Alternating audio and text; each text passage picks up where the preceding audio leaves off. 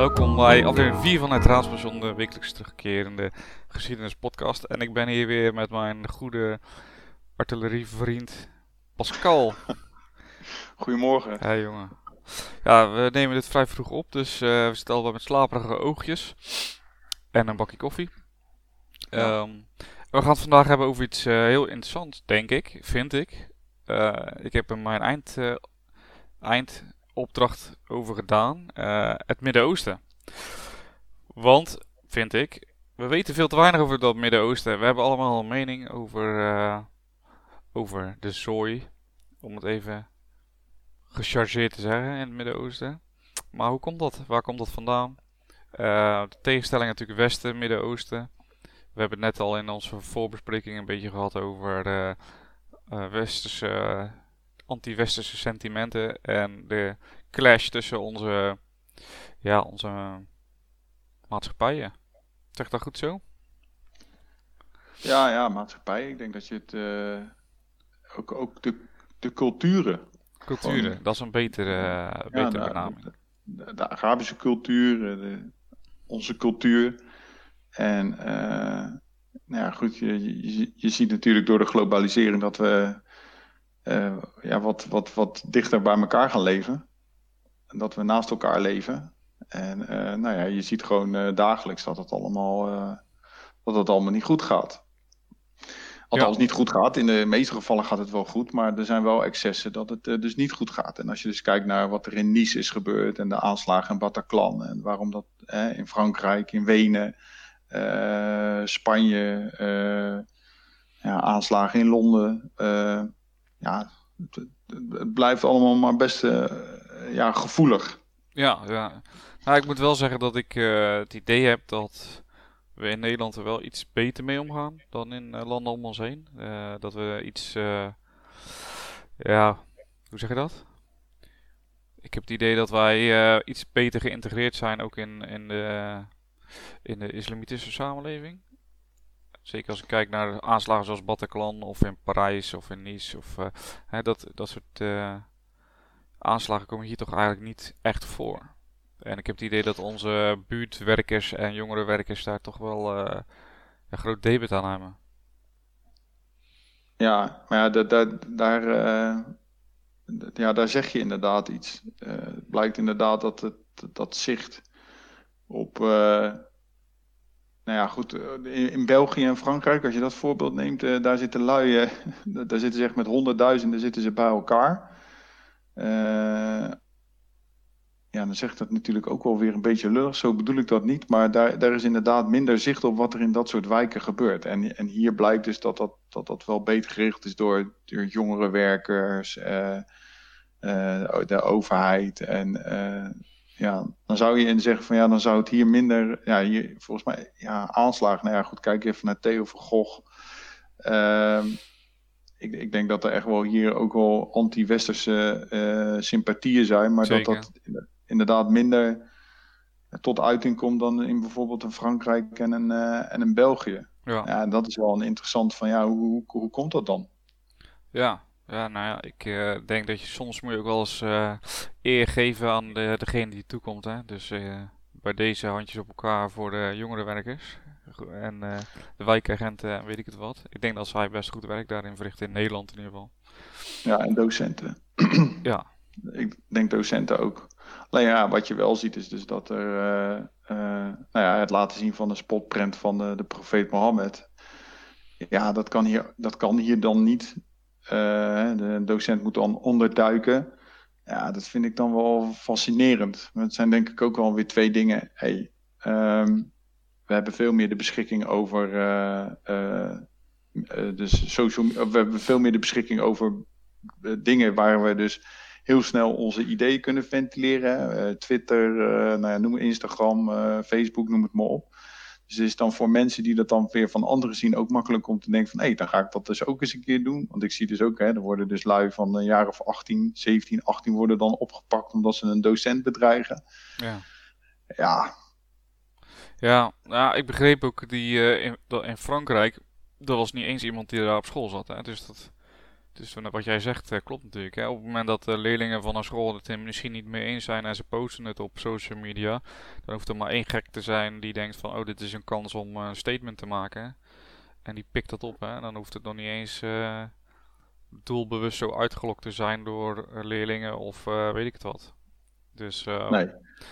En voor mij, die docent in Rotterdam was niet eens een spotprint van de profeet volgens mij. Volgens mij was dat een Charlie Hebdo versus een ja. uh, terrorist, zeg maar. Ja, inderdaad. Van dat afgehakte hoofd wat dan uiteindelijk door zijn afgehakte hoofd nog zijn tong uitsteekt. En dat er zo'n nou ja, zo'n zo'n strijder met zo'n met zo'n zwaard, bloedzwaard, er staat te kijken van ja. ja ja, ja, uh, is, ja, is het een zorgelijke ontwikkeling? Uh, ja, dat, dat vind ik wel dat vind, dat vind ik heel erg interessant. Het fascineert me ook heel erg. Uh, en hoe kan je dus ervoor zorgen dat, dus wat we al in het begin over dat, hè, hoe kunnen we dus ervoor zorgen dat die twee werelden Hè, waarin wij aan de ene kant zeggen van ja, uh, dingen moeten we dan door middel van een dialoog moeten we dan oplossen. En ik heb dan het idee dat aan de andere kant wordt gezegd van ja, weet je, uh, het beledigen van de profeet dat mag niet. Uh, en dan mag je dus geweld gebruiken om het dus ervoor te zorgen dat dat dus stopt. Ja, en dat is denk ik waar dus twee werelden bij elkaar komen. En ja, hoe ga je dat dan dus oplossen? Hè? ik, ik chargeer nu even voor, maar eh, aan de ene kant zeg je van, nou, dan mogen we inderdaad geweld toepassen. En aan de andere kant zeggen wij van, ja, nee, weet je, uh, je, je moet je daardoor niet zo, hoe noem je dat? Ehm, ehm, kom maar. dat is een mooie, hè? je moet je niet beledigd voelen. Oh, ja, ja, ja. ja. Laat, het, la, laat het zitten, hè? dan gaan we erover praten. Ja. Ja, en dat is gewoon ja, hoe, ga je, hoe ga je dan dus dat uh, bespreekbaar maken? Ja. ja, ik denk dus, ja, dan moeten we gewoon terug in de tijd. En dan moeten we maar gewoon eens, van, eens gaan kijken van, ja, waar komt het dus vandaan?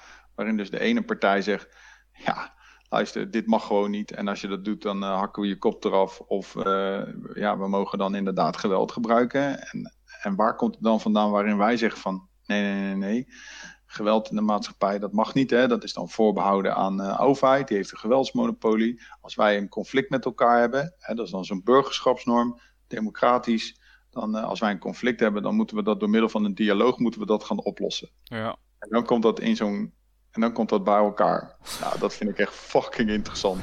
Ja, ja, ik ben uh, benieuwd. Uh, en ik wil daarbij wel, wel, zeggen, volgens mij was er ook een uh, vrij prominent leider van de moslimgemeenschap in Frankrijk, die zich ook uitsprak tegen dit soort gewelddingen. Dus je zei al net terecht, hè, je chargeert. Dus ik denk ook dat er een bepaalde groep is die die, die overtuiging heeft dat als, hè, als je de profeet beledigt dat je geweld mag gebruiken. Dus dat dat niet geldt voor 99% van de overigen.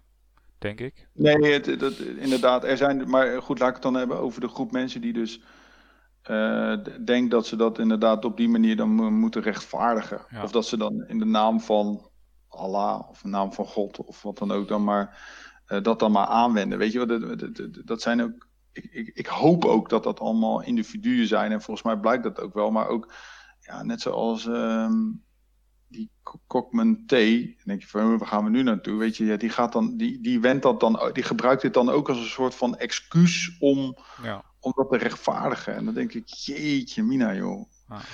Maar laten we eens even gaan kijken naar uh, ja, waar de, onze tegenstellingen dan eigenlijk vandaan komen. Uh, en het begint, denk ik, uh, rond 570 na Christus in Mekka. Want dan wordt er een bepaald persoon geboren, waar we het eigenlijk al een beetje over gehad hebben, Mohammed. ja. En die wordt geboren in Mekka. En die, um, die is uh, die, die reist mee met zijn oom en zijn oom is handelaar en hij reist mee en hij komt in contact met diverse monotheïstische godsdiensten, het jodendom, uh, uh, christendom.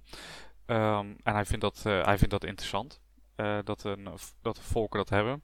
Um, en op dat moment in het Midden-Oosten gelden er nog de natuurgodsdiensten. Hè? Dus um, je hebt die, die Kaaba in, waar staat hij ook weer? In Medina volgens mij. of in Mekka staat hij natuurlijk. Is dat in, grote staat steen. in Mekka, ja. Ja, die ja. steen. Die, eh, dat is in eerste instantie wordt die aanbeden door de natuurgodsdiensten als eh zijnde eh, ja, een soort geschenk van de goden, om het zo maar te noemen. En natuurgodsdiensten zijn dat je natuurlijk gelooft dat er een god van een bliksem is, god van de overstroming, god van het water, Ja. weet ik veel. Allerlei duizenden goden, voor alles heb je een god. En ehm, eh, de- het Midden-Oosten is ook verdeeld onder diverse stammen natuurlijk. Het is geen samenwerkende eenheid, om het zo maar te zeggen. Ehm, Nou, een beetje hetzelfde als hier toch, toen de tijd ook. ja, zeker. Ja, zeker. Alleen had natuurlijk wel, eh, na het Romeinse Rijk, het, het West-Romeinse Rijk was natuurlijk al gevallen. Het Oost-Romeinse Rijk, eh, de Byzantijnen, die waren er wel. Dat was natuurlijk een groot rijk. En, ehm, sorry, eh, Mohammed die, eh, ja, die ziet dat en die, eh, die vindt het mooi. En eh, volgens de overlevering eh, krijgt hij in 610 na Christus krijgt hij een openbaring van de eng- engel Jibril, oftewel Gabriel. Ehm, en hem wordt opgedragen eigenlijk, en Mohammed wordt opgedragen van luister, eh, Joden leuk, christenen leuk, maar ze hebben het niet helemaal 100% goed begrepen. Jij moet nu het ware geloof gaan verkondigen. Ehm, en het is zeg maar een soort uitbreiding op het, eh, op het eh, geloof, het christendom en het jodendom. En dat zegt die engel niet, maar dat is wat uiteindelijk eh, wel eh, door hem gepredikt wordt. Dus eh, Mhm. joden en christenen, prima. Jullie eh, zijn volken van het boek, hè, zo worden ze ook genoemd in de islam. En dus je zal later ook terugzien in de verschillende rijken die ontstaan hieruit, dat zij ook als volken van het boek bepaalde privileges hebben die ongelovigen niet hebben. Mhm. Ehm, maar zo begint eigenlijk de islam. Ehm, en Mohammed die gaat terug naar Mekka en die begint daar zijn geloof te verkondigen. Nou, de leiders van Mekka die zien hem eh, als een soort aanval op, op de gevestigde orde. Zoals je natuurlijk vaker ziet. Hè. Ook bij christenen zag je het ook eh, bij de Romeinen. Werden ze voor de leeuwen gegooid uh, en masse. Ehm, en hij wordt eigenlijk verjaagd vanuit Mekka naar Medina. En eh, de vlucht naar Medina, dat is eigenlijk de start van de islamitische jaartelling. Ehm, op het moment dat hij in Medina is, dan krijgt hij eh, eigenlijk volgers.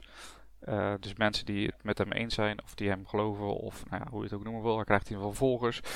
Eh, hij krijgt steeds meer volgers en dat breidt natuurlijk uit. En op een gegeven moment gaat hij terug naar Mekka en verdrijft hij die leiders uit Mekka. Eh, en zo kan hij dus in het Midden-Oosten beginnen met een, rijk te stichten. Zijn aanhang blijft gewoon volgen. Veel mensen die zijn ook gecharmeerd van, eh, van de islam. Het is ook een makkelijke godsdienst om bij te gaan. Je hebt geen moeilijke overgangsrituelen die je moet doen. Eh, het enige wat je moet zeggen is dat- je gelooft dat Allah de enige God is. En dan is het, eh, ja, dan ben je eh, lid van de islam, zeg maar. Dus Ja, dus die vijf zuilen, hebben we het daarover? ja, zullen, moeten we die benoemen gewoon? Of volledigheidshalve? Ja, we- ja, laten we het maar benoemen. Ja, ik vind het ook wel mooi hoe ze dat dan zeggen. Dus dat, dat zeg maar die introductie van de islam is dus een, een synthese van joods-christelijke traditie en Arabisch zelfbewustzijn. Zo, dat is, eh, dat is mooi. Dat is mooi. Eh, het eh, klein verschil eh, wat ik nog even wil benoemen tussen eh, het christendom en het jodendom en eh, de islam is dat, eh, dat het gaat over profeten bijvoorbeeld. Zoals Noach, Abraham en Mozes en Jezus zijn alle eh, vier zijn profeten in de, in de islam. Noach heet, eh, n- ja, ik weet niet of ik het goed uitspreek, eh, nu, nee.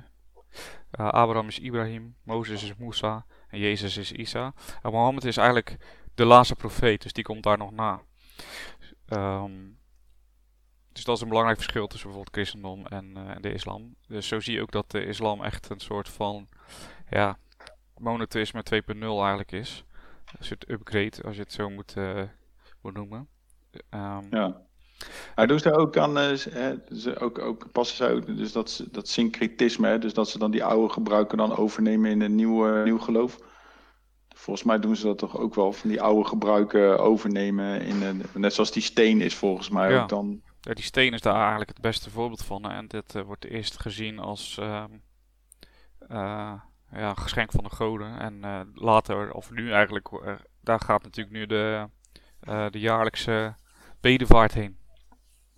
Naar De die steen. De Hajj, ja. En dat is een van de zuilen van de islam. eh, de Hajj, dat is de bedevaart. Eén keer in je leven moet je dus een, de bedevaart gemaakt hebben naar Mekka. Er zijn er nog vier andere. Ehm, de Shahada, de Zakat, eh, Ramadan en de Salat. En eh, ik hoop dat ik het goed uitspreek. Ehm Shahada is de beleidenis, hè, dus dat is echt het. ja, ik, er is één God en dat is Allah.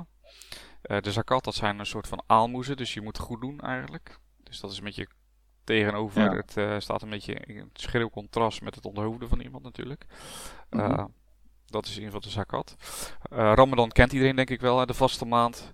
Ehm, ja, daar hoef ik denk ik niet verder uit te leggen. En dan heb je natuurlijk de salat. En dat zijn de gebeden. Oftewel dat je dus vier keer per dag moet bidden. Um, met, je, met, je, ja, met je lichaam naar het oosten. Um, maar er is nog een. Uh, de, de, de, vijf zuilen zijn echt verplicht. Er is nog een zesde verplichting. En die ken jij denk ik wel. Ja. De jihad. Ja. en de jihad wordt nu heel vaak samengevoegd of ehm, gekoppeld aan strijd, aan oorlog tegen ongelovigen. Maar dat is niet helemaal wat het precies betekent. Het betekent namelijk letterlijk, betekent het beheersing of bescherming. Dat is wat jihad betekent. En uh, nu wordt het dus inderdaad gezien als zijnde, oké, uh, of het wordt gebruikt als zijnde, we moeten de islam beschermen. Maar origineel uh, wordt, wordt waarschijnlijk, ik was er niet bij, maar ja, we, weten het, we weten het wel.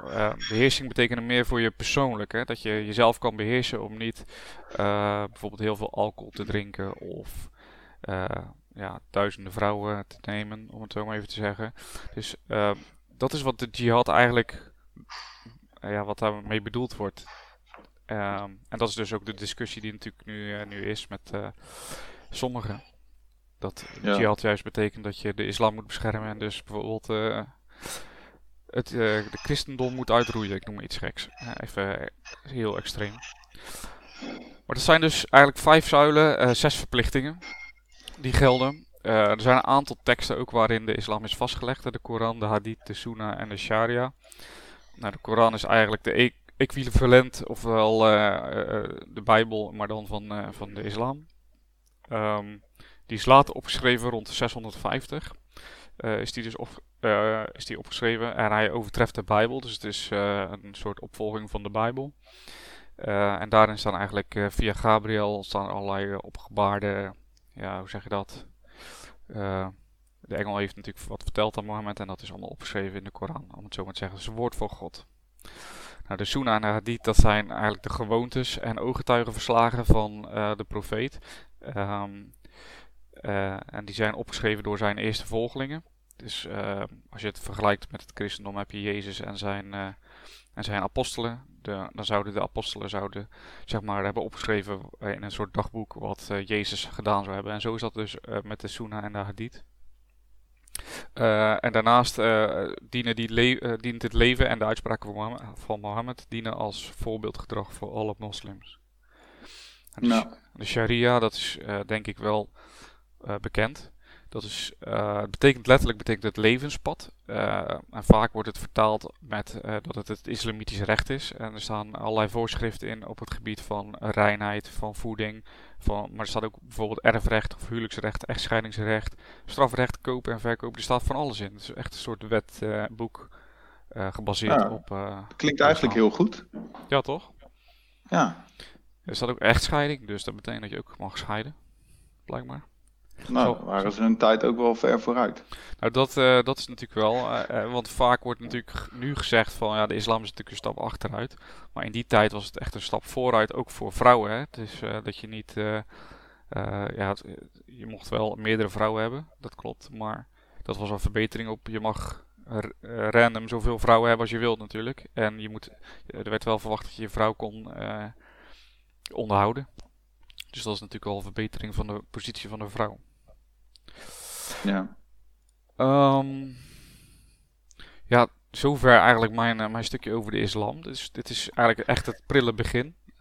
Ja, ik zie, ik, zie, ik zie toch niet zo heel veel verschil met, uh, met, met zeg maar ook het christelijk geloof. Als je dat vergelijkt met elkaar, dan is het toch eigenlijk wel een beetje hetzelfde.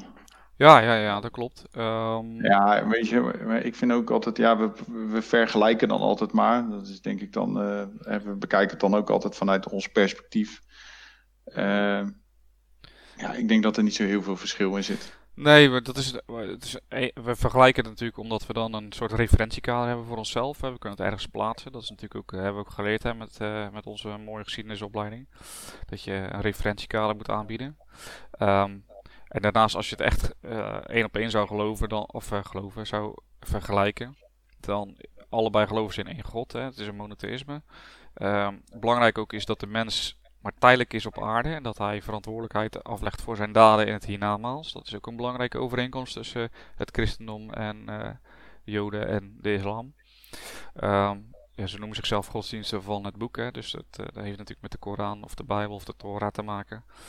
Um, dus dat zijn allerlei overeenkomsten. En zoals ik al zei, dat Mohammed eigenlijk de laatste, rij, uh, de laatste is in een rij van profeten. Dat is natuurlijk anders van hoe de christenen en joden het zien. Ja. die zien Jezus natuurlijk als zoon van God. Uh, terwijl dat de islam hem als een profeet behandelt. Dus dat is eigenlijk waar het begint. En vanuit Mohammed komt er een, ja, een Arabisch Rijk. Um, en die, op een gegeven moment wordt dat rijk, wordt het Omeyyade-kalifaat. Ik weet niet of je daarvan kent, of je dat kent, ja. Pascal. Um, Niet persoonlijk, maar nee, ik heb er wel eens van gehoord, ja. Ja, ja. nou, de Omeyyade-kalifaat is vrij groot. Het is uh, van 661 tot 750 ongeveer. Uh, hè, dat tijdspad moet je aanhouden. Um, het, het, is het Midden-Oosten. Uh, het is een groot deel van Noord-Afrika. Een stuk Spanje. Hè, dat, dat zullen we later terugzien in de Reconquista. Um, een stukje van Perzië. Dus het huidige Iran is dat, uh, daar zit een, uh, daar zit de Omeyyade kalifaat. Dus het is echt wel een flink, uh, flink Maar ja, juist doordat het dan zo groot is, dan gaat het dus ook botsen met andere culturen. Ja, ja zeker. we hebben natuurlijk, we zeiden net al de Byzantijnen, het Oost-Romeinse Rijk, daar botst het regelmatig mee. Europa zelf, hè, Karel de Grote komt op een gegeven moment op en daar botst het mee. Um, uh, een kenmerk van de Omeyyade is ook bijvoorbeeld de expansiedrift. Hè, dat ze heel erg veroveren. Gebieden veroveren. Uh, en je zal ook zien, er komt na dit kalifaat komt er nog een kalifaat en die, die is meer van behouden. Dus die zorgt dat, dat de grenzen behouden blijven en die hebben geen expansiedrift. Maar goed, de Omeyyade dus wel. Ze beginnen in het Grieks, overigens. Dat is misschien wel leuk, leuk oh, beetje. Ja? ja? ze beginnen met de Griekse taal. vanaf 690 wordt het pas Arabisch. Dus uh, het is ook wel logisch, hè.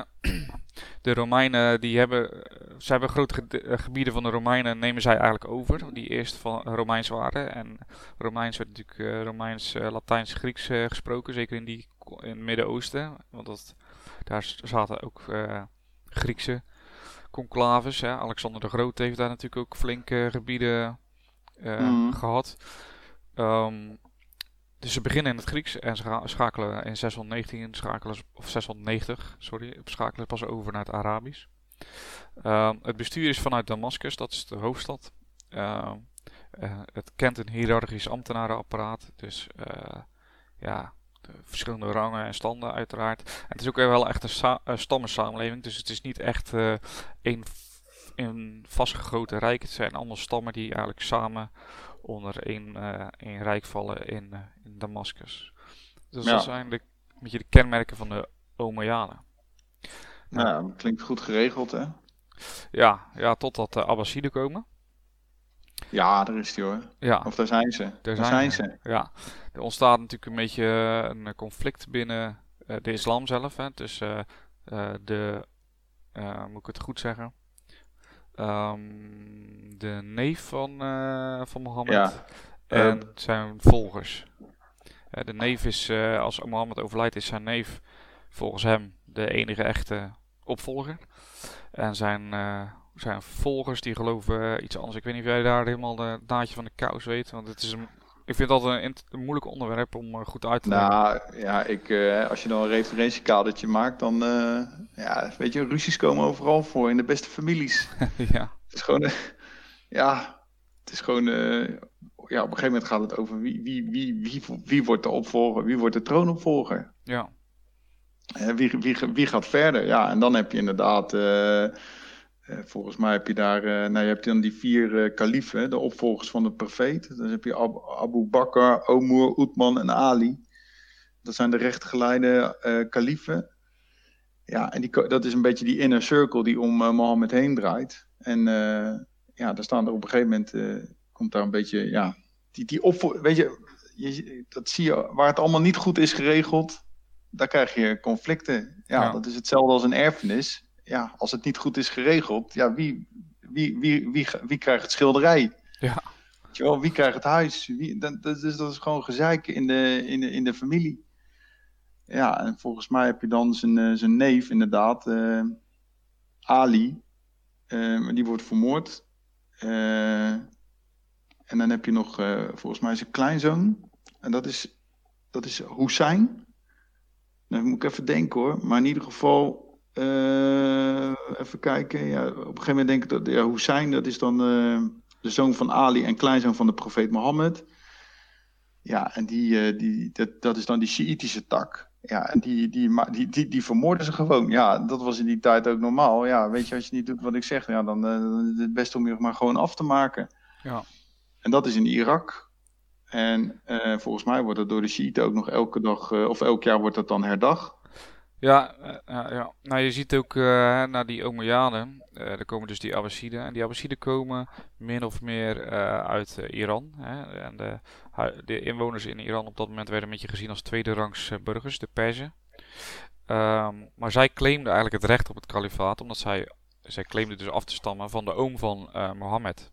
Ja, Ehm, en eigenlijk, ja. Dat is dan die Ali, zeg maar. Eh, eh, Abbas ibn Abd al-Matulab Tu- Tulalib. Mutalib. Zo. Ik eh, durf niet te zeggen of dat, dat. Ik denk dat dat niet die Ali is. Ik denk dat het weer een andere oom is. dus. ehm, de Omeyaden eh, zelf, die, die waren niet, niet, van dezelfde ja, niet van dezelfde groep als van Mohammed. Ehm, en die Abbasiden claimden dus wel, eh, zeg maar, die te hebben met eh, Mohammed. En zij, eh, eigenlijk ver- veroveren zij dat Omeyadenrijk. Enerzijds omdat dat dus losse stammen zijn en slecht samenwerken. Of, nou ja, slecht is misschien overdreven, maar minder goed samenwerken. En in 747 begint, die opstand. En Perzen en Arabieren namen allebei deel aan die opstand. En zij verslaan eigenlijk het Omeyyade-leger bij de stad Kufa. Dat is in het zuiden van het huidige Irak. En Ja. winnen daarmee een, eh, een, een groot rijk. Ehm, het is wel iets kleiner. Hè? Ehm, zij vermoorden, zoals je al zei, zij vermoorden die Omeyyade-familie echt eh, ja, compleet. Eh, er is nog eh, één overlevende en die gaat in eh Cordoba zitten, het kalifaat van Cordoba. Heb je wel eens van gehoord waarschijnlijk. En die Ja, wordt pas, eh, ja, die wordt pas veel later wordt die verslagen door, eh, door de christelijke ridders. Eh, door de Reconquista. Wat eigenlijk bijzonder is, Reconquista, want het was geen, christelijke, geen christelijk deel. Dus het is eigenlijk geen herverovering, maar gewoon een verovering. Maar goed, dat is even dat terzijde. Ehm en die eh Abbasiden die hebben van 750 tot 1258 hebben zij eh, een groot rijk gehad. Dus eigenlijk ongeveer hetzelfde rijk als de Omeyyades. hè. Dus eh, Perzië, Midden-Oosten, Noord-Afrika. Min Cordoba uiteraard, min Spanje. Hm. En zij stichten ook Bagdad in 763 aan, aan de Tigris. En maken dat echt een, eh, mooi nieuw, mooie nieuwe, hypermoderne stad, maken zij daarvan. Ehm, dit is ook de, de Arabische eh, Gouden Eeuw eigenlijk, om het zo maar te noemen. De, de Arabische wetenschap eh, op diverse gebieden, die, eh, ja, die schiet gewoon de pan uit. Dus het is gewoon, het is vooral voortgebouwd in het begin op Griekse teksten. hè. Die zijn ge, ge- vertaald eigenlijk door de Omeyaden nog, zijn ze vertaald van het Grieks naar het Arabisch. Dus die kennis uit de Griekse oudheid is allemaal bewaard gebleven. En daarop Oh. bouwden, zij, bouwden zij voort met grote denkers. Ehm, en je ziet ook dat die kennis later, eh, dankzij bijvoorbeeld de, eh, de herstelde, ehm, eh, hoe zeg je dat? Ehm, de herstelde eh, handelsroutes met de, met de Arabische wereld en na de, eh, eh, de kruistochten. Zo kwam even niet op. Na de kruistochten eh, worden die banden hersteld. Eh, klinkt heel raar, maar de, eh, eh, routes gaan weer, worden weer opengesteld. eh, kennis wordt gedeeld tussen de christelijke wereld en de Arabische wereld. En dan komt die kennis van de, die oude Griekse kennis, onder andere, eh, komt ook weer terug naar Europa. Dus zonder die Arabische wereld zou er een hoop Griekse kennis eigenlijk verloren zijn geweest. Dus dat is ook wel interessant. Ja. Ehm, een aantal kenmerken van die Abbasiden is dat ze dus, zoals ik al zei, ze hebben geen grote expansiedrift. Ze accepteren andere geloven als, als en dan vooral natuurlijk monotheïstische geloven, dus geloven van het boek. ze hebben een Ja. sterke centrale macht, een sterke bureaucratie. ze hebben de Bagdad als hoofdstad gemaakt. Ehm, ze hebben een aantal oorlogen gevoerd hè, tegen de Byzantijnen, tegen de Turkse volkeren, tegen de Mamelukken en de Mongolen. Ehm, dat is ook waarschijnlijk de reden waarom ze die, dat die expansiedrift een beetje weg was, omdat ze al veel in oorlog waren. Ehm, dat is ook een reden waarom de kruistochten überhaupt uh, in eerste instantie uh, een aantal kleine stadstaatjes konden veroveren en Jeruzalem konden veroveren. Hè, omdat um, ja, de Midden-Oosten was druk bezig met bijvoorbeeld de Mongolen buiten te houden. Uh, dus die legers waren allemaal weggetrokken. Ja. Waardoor de kruistochten eigenlijk geringe successen konden boeken. En je ziet ook later als die vredes weer terugkomen, dan zie je natuurlijk dat Salahadin weer terugkomt met, met legers en de kruistochten weer verdrijven. En daarna zullen, zullen de, de kruistochten die volgen zullen ook eigenlijk niet echt het succes meer kennen van, van die eerste kruistochten die Jeruzalem veroveren. Um, ja, er, zijn, uh, er zijn een aantal. Uh, de steden zijn op een bepaalde manier ingericht hè, van, uh, van, van de Arabieren. Mm. De moskeeën staan in het centrum. Nou, dat kennen we natuurlijk ook. dat de kerken bijvoorbeeld in het centrum staan. Er zijn grote markten, bazaren, kleine steegjes met handelslui. handwerkers en kooplui en dat soort dingen. Wijken zijn ingedeeld op basis van religie, etnische groep of beroep. Dus je woont in een bepaalde rijk, hoor je tot een bepaalde etnische groep en of religie. Um, dus wat de Arabieren onder andere gedaan hebben, is, uh, is het uh, verbeteren van de landbouwmethodes. Denk aan een, uh, aan een manier van irrigeren. Door, door water met waterratten te verplaatsen, konden ze ja, meer verbouwen. En je weet, hè, dat is echt een terugkerende rode lijn in de geschiedenis. Op het moment dat er meer voedsel komt, komt er vooruitgang. mensen hoeven zich niet meer druk te maken om voedsel te verbouwen, dus kunnen andere dingen gaan doen. Uh, nou, sommigen zullen met een vinger in de neus zitten, anderen zullen uitvindingen doen of uh, weet ik het wat. Mm. dus dat zie je ook. Ze introduceren ook nieuwe gewassen. denk aan suikerriet, katoen, rijst, wortels, citrusvruchten, vijgen, vijgen dadels. Wel bekend tegenwoordig. Dus je ziet Ja, ook een, ja, je ziet een opbloeiende nijverheid en een opbloeiende handel. en ze zijn, zoals ik al eerder zei, ook tegenover niet-islamieten tolerant tegen joden en christenen. Tegen, ze sloten verdragen af uh, en ze mochten redelijk veel, joden en christenen mochten redelijk hun eigen zaakjes uh, regelen. Ze moesten wel extra belasting betalen daartegenover, maar ze waren dus redelijk godsdienstvrij en ze mochten uiteraard niet islamieten bekeren tot, tot het jodendom of het christendom, dat was streng verboden. Dus eigenlijk waren zij vrij tolerant tegenover die, die andere volken. Um, Nou, de vooruitstrevend, progressief, hè? Ja. Um, het kalifaat van Cordoba, even kort, dat, uh, dat is van 756 tot 1147. Ja? Ja, even kort. het is moeilijk om dit kort te doen, maar uh, het kalifaat van Ja. Cordoba bestond tussen 746, 756 en 1147. Uh, en de kleinzoon van de Omeyyade-kalief uh, die veroverde Cordoba. En het, het grappige is, Andalusië ken je natuurlijk wel, dat is een gebied in, in Spanje.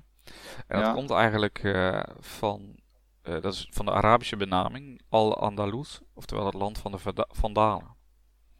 Hè, Vandalen waren de, de barbaarse groep uh, die daar woonde, dus die hebben ze veroverd. Dus het land van de, Vanda van de Vandalen. En dat is wel grappig dat die naam daar nog steeds zeg maar, dus aan verbonden is. Ja, je zou denken, dat klinkt toch echt wel Spaans. Andalusië. Andalusië. Ja, maar dat is dus niet. Oh, dat is gewoon Arabisch. Ja. Ehm, je ziet daar ook, hè, in eh, die gebieden zie je nog eh, dat daar een mengcultuur is ontstaan tussen eh, de, de christennamen Arabische gebruik over. En het, en het meest opvallende is daarbij de, de kerkbouw, die een beetje de stijl heeft van, van moskeeën. Door, die, die, door die bogen, ja. Ik zal op Twitter een plaatje zetten, dan, dan weet je, Oh, oké. dan kun je het zien. Dus ehm, ja, en, en toen kwam natuurlijk, en eh, dan geef ik het stokje eigenlijk over aan jou, eh, Pascal, Oh jee. Potverdorie. het Ottomaanse Rijk.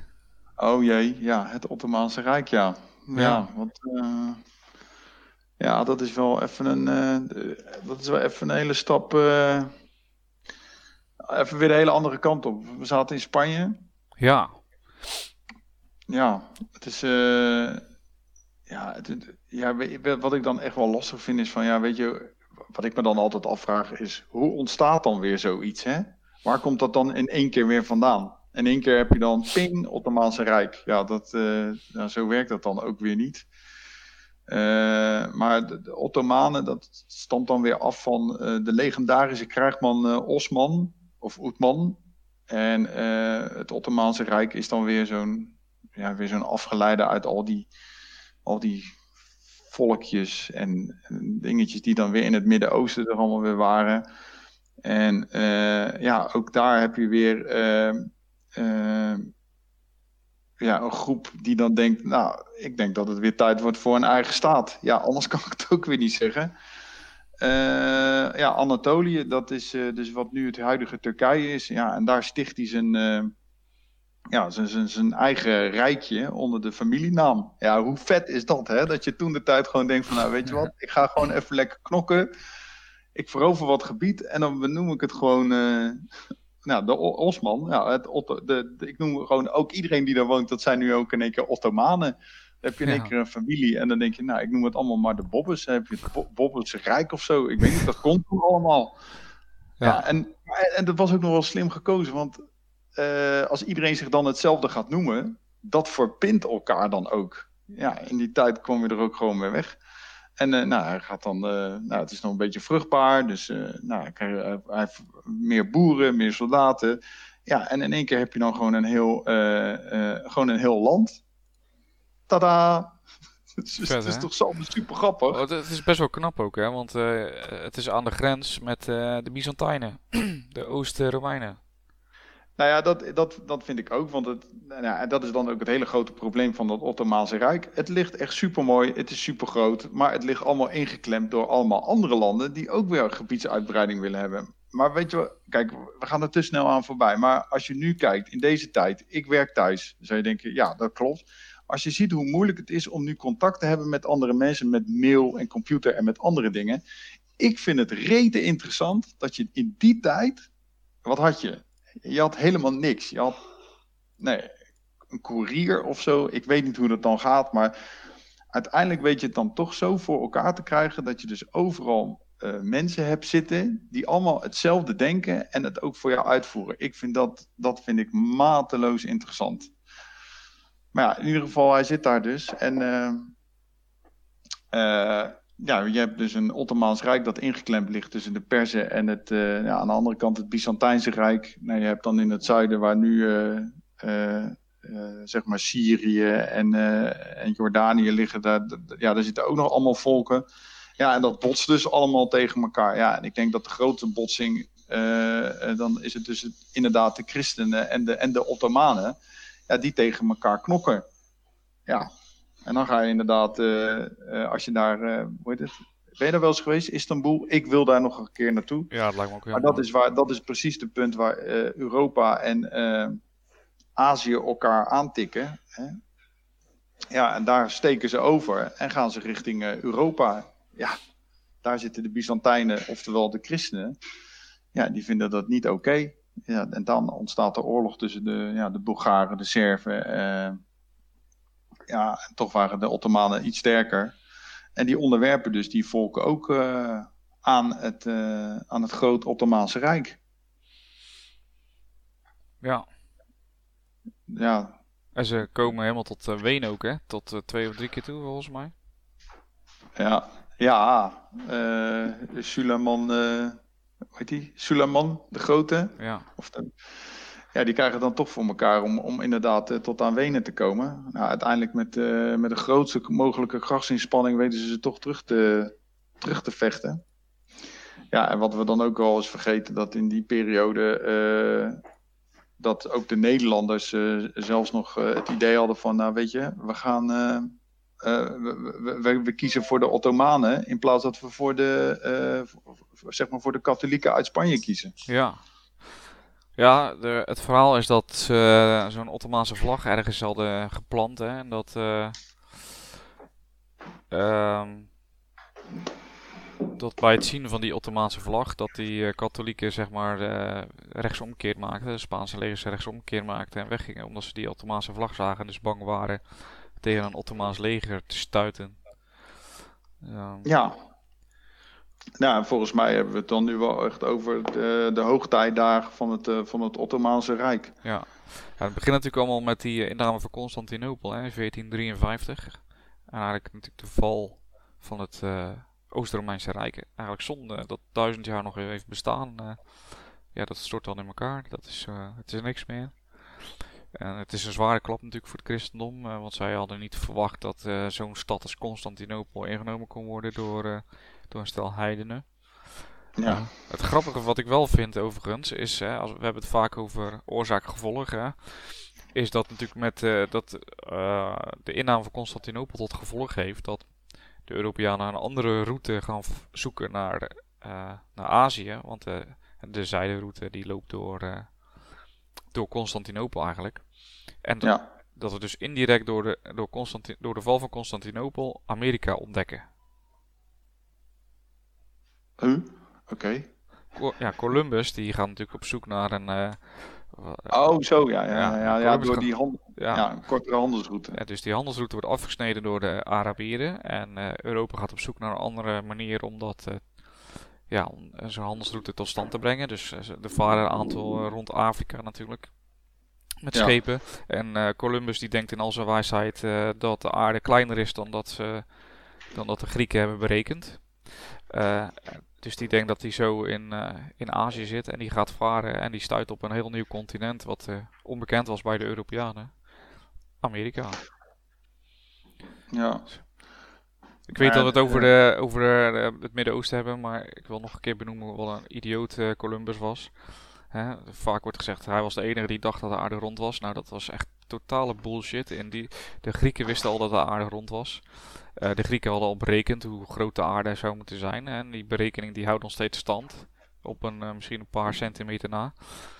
Uh, en Columbus, het enige waar wat Columbus dacht was dat, dat het kleiner was, de aarde. Dus eigenlijk was hij gewoon dom. En heeft hij gewoon geluk gehad dat hij Amerika ontdekte. maar goed, dat is even Columbus. ik, er is nog veel meer over die man te vertellen waarvan je denkt van waarom vieren we in vredesnaam dat hij Amerika heeft gevonden. Maar goed. Verder naar de Ottomanen. Ja.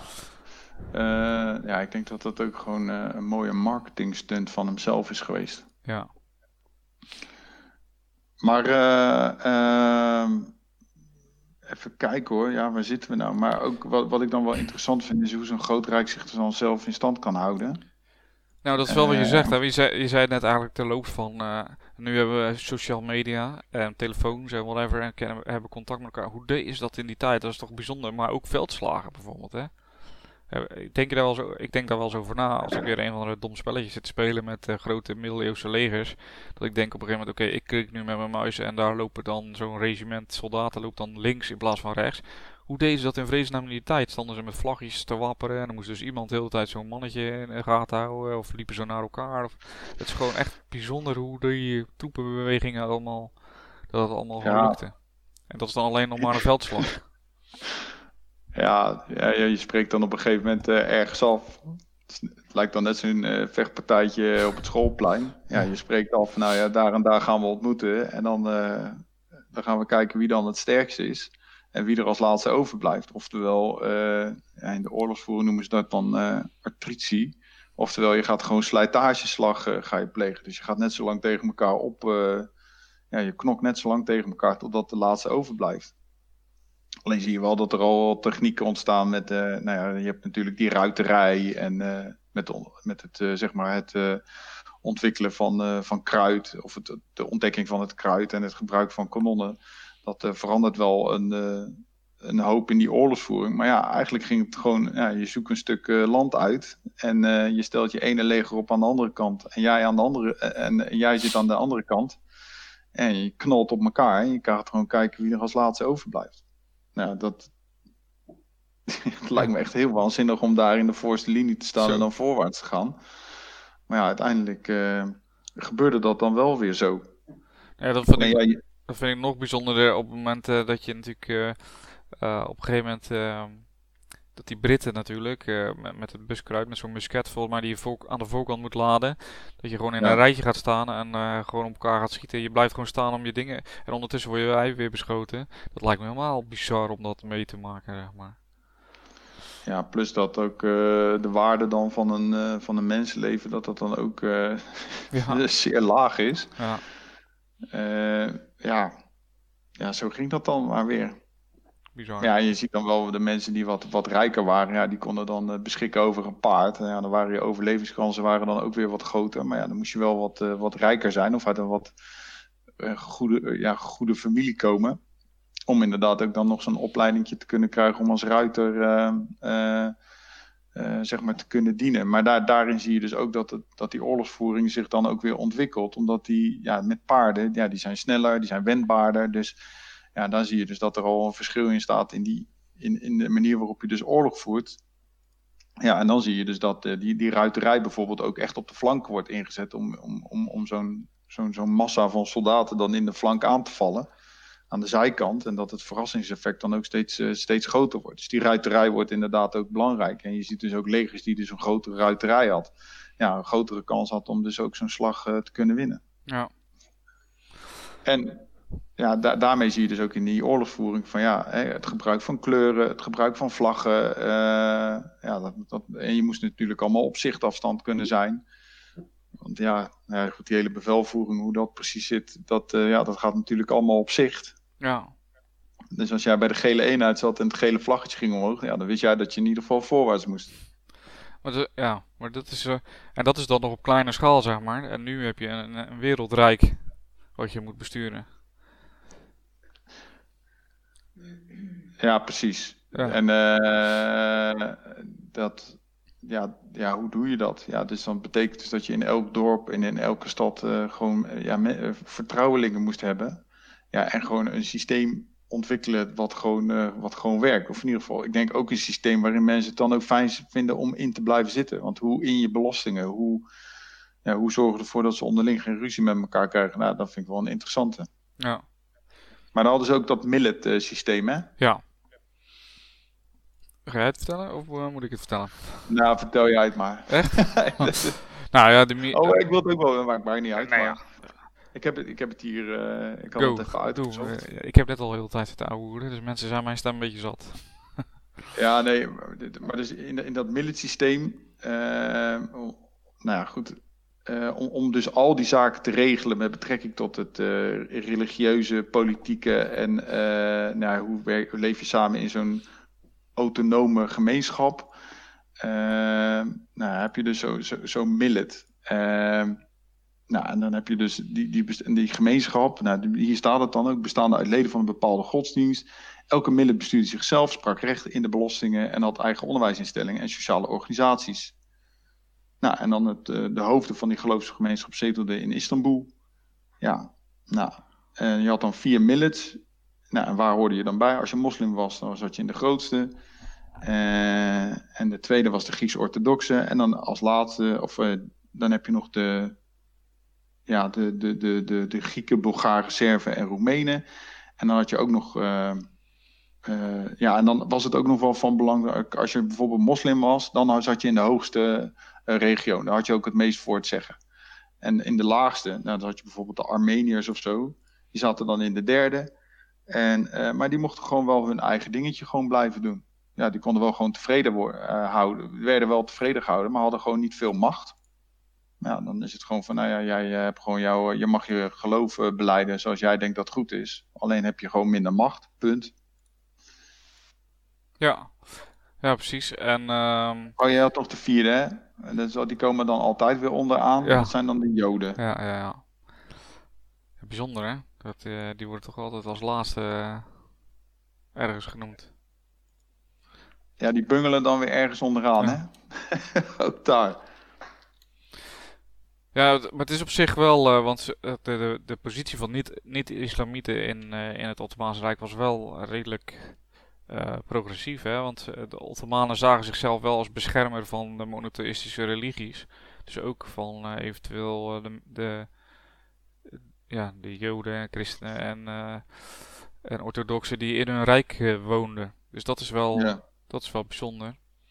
Ehm, wat ik ook bijzonder vond overigens aan het Ottomaanse Rijk is dat op het moment dat er een sultan wordt eh, eh, eh, gekozen of opvolgt, hè, dat de, sultan, de, de, oude sultan opvolgt, is dat zijn broers allemaal vermoord worden. Ja, dat is ook zo'n mooi systeem. Om te voorkomen dat er natuurlijk meerdere troonpretendenten zijn. Dat is wel bijzonder. Um, wat ook nieuw is, is eigenlijk dat de sultan sinds sinds Suleiman, ehm, die leefde in 25 tot 1566, ehm, dat de sultans ook kalieven waren. Dus eerst was het een soort ja, een beetje afgescheiden van elkaar. Geloof en staat waren gescheiden, maar sinds, sinds zijn ja, heerschappij was de sultan ook de kalief. Dus dat is ook wel interessant. Ja. En zij zagen ook de islam echt als de basis en, van het van de manier van leven. En, ehm, en de regering was eigenlijk de verdediging van die manier van leven. En dan had je de sultan die dan de hoogste leider was voor het verdedigen. En de kalif zou dan de religieuze leider zijn. En later is de kalif en sultan is min of meer samengevoegd tot, uh, tot één functie. Dus dat ja, ik, ik, weet niet of dat dan altijd zo handig is, hè? ja, dat is, nou ja, we kennen nu natuurlijk uh, uh, scheiding van uh, kerk en staat, wat natuurlijk bijzonder is als je, we hebben het uh, gehad over, ik weet niet of dat, dat in, was voor mij in de voorbespreking, hè, over onze ChristenUnie vrienden. Ehm, ja, die, hoe doen die dat dan, scheiding van kerk en staat? Niet, denk ik. Nee, die zien dat liever niet. Nee. Want als je echt een seculiere maatschappij hebt, dan heb je namelijk ook dat, ja, dat, dat dat bijzonder onderwijs, dan hou je dat ook gescheiden. Ja, dat is ook dat is mijn opvatting. Dat is ook interessant, inderdaad. Ja, ik, ja, ik, ik ben het daar wel met je eens, maar uh, goed, anderzijds hebben we natuurlijk een soort uh, godsdienstvrijheid. Dus is het ook logisch dat er uh, scholen zijn die die godsdiensten dan misschien hebben. Of ze dan overheidsgefinancierd moeten zijn, is een tweede. Uh, maar goed, daar, hebben, we, daar hebben we de schoolstrijd. Uh, ja, daar hebben we met de schoolstrijd natuurlijk uh, meegemaakt. Maar goed, even terug naar het Ottomaanse Rijk voordat we echt duizend. ja, ik denk dat we ook naar deel 2 toe moeten. Ja, ja precies. Dat is wel. We al dik bijna drie kwartier hierover te, ja. over te praten. Hè. We zijn. ja, ik denk inderdaad. deze helft. Ik denk dat je gelijk hebt. Ik denk dat we dat we het een beetje moeten gaan afronden. En dat we gewoon nog een deel 2 moeten gaan maken. Ja, dat gaan we doen. Dat is een deal. Ja, want dan, dan wordt het ook wel interessant naar, uh, naar de 20ste eeuw toe. Ja. Zo, dat is wel abrupt einde zo, maar... ja, ja, kun jij mooi aan elkaar eh, knippen en plakken. Eh, ja, ja, ja, ja, dat doe ik eigenlijk nooit, dus... Oh. Nee. Ja, misschien moeten we het ook dan gewoon zo laten als dat het is. Ja, precies. Komen we tot zelf uh, ja. besef dat dit gewoon een deel, dat er een deel 2 moet gaan komen. Ja, anders wordt het een heel lange, hele lange uitzending, wat wel leuk is, maar uh, misschien minder uh, interessant. Of minder lang, ja. het minder lang voluit. Dus we gaan er een deel 2 van maken. Pascal, dankjewel zover. We hebben, wat, ja, we hebben natuurlijk gehad de twee Arabische rijken, ontstaan van de islam, Ottomaanse Rijk. En we gaan het in een deel 2 gaan we het breien aan de 20e eeuw. Ehm, en uh, dan hoop ik jou ook weer te mogen verwelkomen, uiteraard. Ja, zeker wel, zeker wel. Top, leuk, leuk, leuk. Dan uh, ja, wil ik jullie op bedanken voor het luisteren sowieso natuurlijk. Um, als jullie zelf vragen hebben aan mij of uh, aan Pascal voor de volgende keer, stuur ze dan naar geschiedenis.paulushistoricus.nl um, Ja, en dat, uh, dan, dan hoor ik jullie, of jullie horen ons volgende keer dan weer met een deel 2 over het Midden-Oosten. Dus tot dan. Ja, lijkt me een goeie. Tot dan.